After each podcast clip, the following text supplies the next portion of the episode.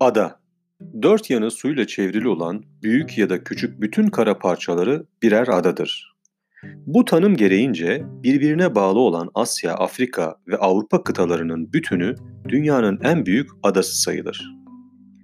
Kuzey ve Güney Amerika kıtaları da dünyanın ikinci büyük adasını oluşturur.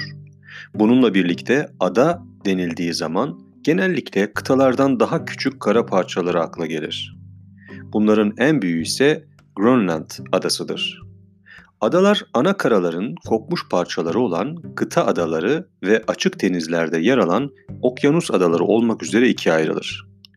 Kıta adaları toprak yüzeyinin alçalması ya da deniz yüzeyinin yükselmesiyle ana karadan ayrılan kıyıya yakın adalardır.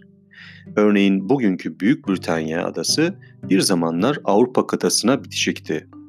Daha sonra yer kabuğunun çökmesiyle Kuzey Denizi ile Manş Denizi birleşti ve sularla ana karadan ayrılan Büyük Britanya bir ada oldu. Eskiden Anadolu'ya bitişik olan Kıbrıs ve Ege adaları da gene yer kabuğunun çökmesiyle oluşmuş kıta adalarıdır. Eğer çöken kara parçası dağlıksa vadiler sularla kaplanır ve dağların yamaçları yarımada ve adalara dönüşür. İskoçya ve Kanada'nın batı kıyılarındaki birçok ada böyle oluşmuştur. Doğal olarak karaların yakınındaki adalar ayrılmış oldukları ana karaya çok benzer. Okyanus adaları kıtaların açığında okyanusların derinliklerinden yükselir. Atlas Okyanusu'ndaki Ascension ve St. Helena adaları ise ile Büyük Okyanus'un güneyindeki sayısız ada bu tür adalara örnektir.